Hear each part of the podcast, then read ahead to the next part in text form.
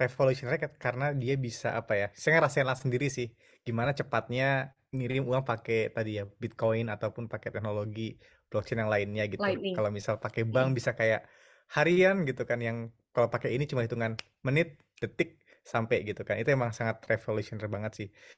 Nah, di sini saya mau coba ini sih eh apa ya? eh, ini kan kalau yang saya lihat ya, jadi manusia nih orang-orang ini lebih mencoba ngebuat ulang gitu kan sistem finansial dengan decentralized tadi dengan Internet of Money tadi kan yang dimention tadi gitu. Nah, eh menurut Kak Pratiwi mungkin nggak sih kita mengulangi hal yang sama kegagalan yang yang ada di traditional financial system gitu? Gitu. Kan Sangat orang menciptakan. Iya, iya. Eh, kan kita kan kayak ada Sangat sekarang FTX terjadi. collapse gitu kan contohnya. Iya, sangat mungkin terjadi karena gini ya, walaupun selama ini banyak yang meng- mengakunya holding Bitcoin ataupun ada yang namanya institutional adoption ya di tahun dari tahun 2010-an lah yang udah kelihatan nyata itu di tahun 2020 2021 apalagi waktu Tesla itu menyatakan terima Bitcoin sebagai alat pembayaran Tesla waktu itu ya. Seakan wah institutional adoption. Dan saya pun waktu itu merasa yes. Akhirnya big money atau smart money mulai chip in di dalam Bitcoin space waktu itu. Tapi di tahun waktu itu saya merasa saya itu naif gitu ya. Oke. Mereka saya saya kira mereka itu cuma beli dan keep. Tapi ternyata apa? Yang mereka lakukan sama. Mereka putarkan Bitcoin itu di produk derivatif. Misalnya apa? Mereka adain apa? ETF future ETF mereka punya apa lagi? Beberapa exchange di luar negeri ya di Indonesia pun juga ada exchange yang membuat IOU Bitcoin loh misalnya kalau yang di Wow. luar saya sebut nama ya, misalnya ah langsung aja deh, saya sebut nama misalnya yang di luar dulu Robinhood, dia free untuk uh, trading. Tapi apa? Ternyata Bitcoin mereka nggak bisa di withdraw. Jadi orang-orang waktu invest Bitcoin, mereka cuma apa? Invest IOU Bitcoin. Jadi cu- cuman contract for difference. Ini bahasa finansial banget ya. Tapi intinya nggak ada Bitcoin yang mereka punya. Buktinya apa? User atau in- retail investor nggak bisa withdraw Bitcoin mereka ke bank account mereka, eh, ke wallet Bitcoin mereka. Contoh lagi yang di Indonesia apa? Peluang ajaib, lalu uh, super app ya, super app financial yang lain, misalnya apa? Nanovest, mereka juga uh, membuat seperti itu. Orang-orang kelihatannya mereka merasa, oh aku beli Bitcoin, tapi ternyata mereka cuma beli kontrak of Bitcoin, reksadananya Bitcoin, tapi mereka nggak disclose. IOU Bitcoin ini super ngeri. Dan yang lebih ngeri lagi adalah karena sifatnya kita ini terbiasa dengan fiat standar ya. Standar hidup keuangan dalam sistem fiat. Jadi ada sistem perbankan, ada yang namanya sistem investment ya. Jadi kita taruh uang di bank, dulunya demi apa? Dapat bunga. Nah, tapi kita nggak pernah bertanya tuh, uang uang yang kita taruh di bank, mereka kok bisa kasih kita bunga itu dari mana? Ternyata selama ini kita menjalankan fractional reserve banking. Yang di mana ketika kita naruh misalnya ya, kita taruh nih 100 euro gitu ya di dalam banknya kita. Nah, 100 euro itu cuman ada di deposit banknya mereka, di vaultnya mereka, per brankasnya mereka itu cuman 10 yang diperbolehkan. 90-nya boleh diputer. Diputer untuk apa? Cari debitur.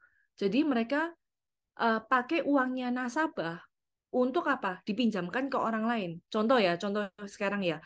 Mas Praja nih titip uang ke saya, 100 ribu. Yang saya taruh dompet itu 10 ribu, Mas Puji. 90 ribunya saya hutangkan ke Mas Puji. Uh, peer-to-peer ya. Peer-to-peer ini lending, P2P lending. Oke. Nah, saya ambil cuan dari Mas Puji.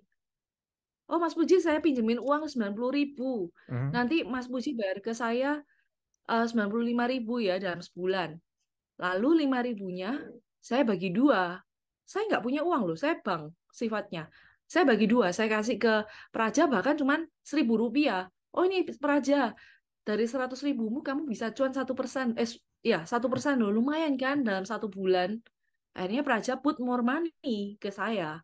Nah itulah yang namanya sistem fractional reserve banking yang selama ini menjadi momok dari sistem keuangan di dunia. Nah, sama mereka banyak orang yang merasa oke okay, now I have Bitcoin but they don't uh, they don't really understand buat apa Bitcoin ini why Bitcoin happen. Kenapa Bitcoin itu ada? Akhirnya mereka mikir dengan pola pikir fiat standar gimana nih cara nganain Bitcoin? Akhirnya mereka apa? Taruh di DeFi. Taruh di um, misalnya ke Ludo ya.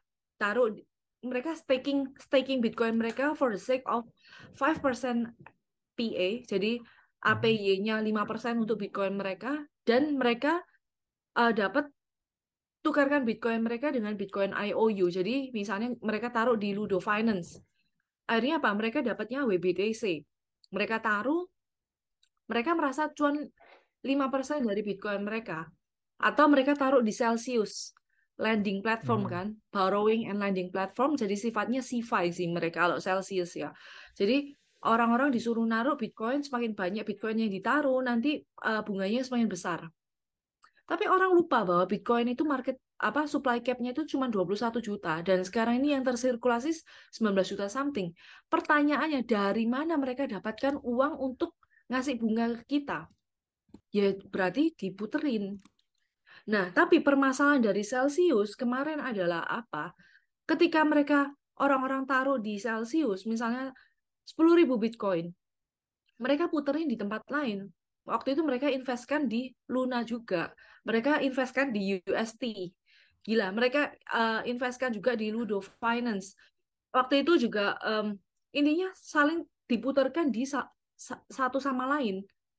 Intinya jadi bubble. Sama aja dengan uang fiat selama ini yang terjadi.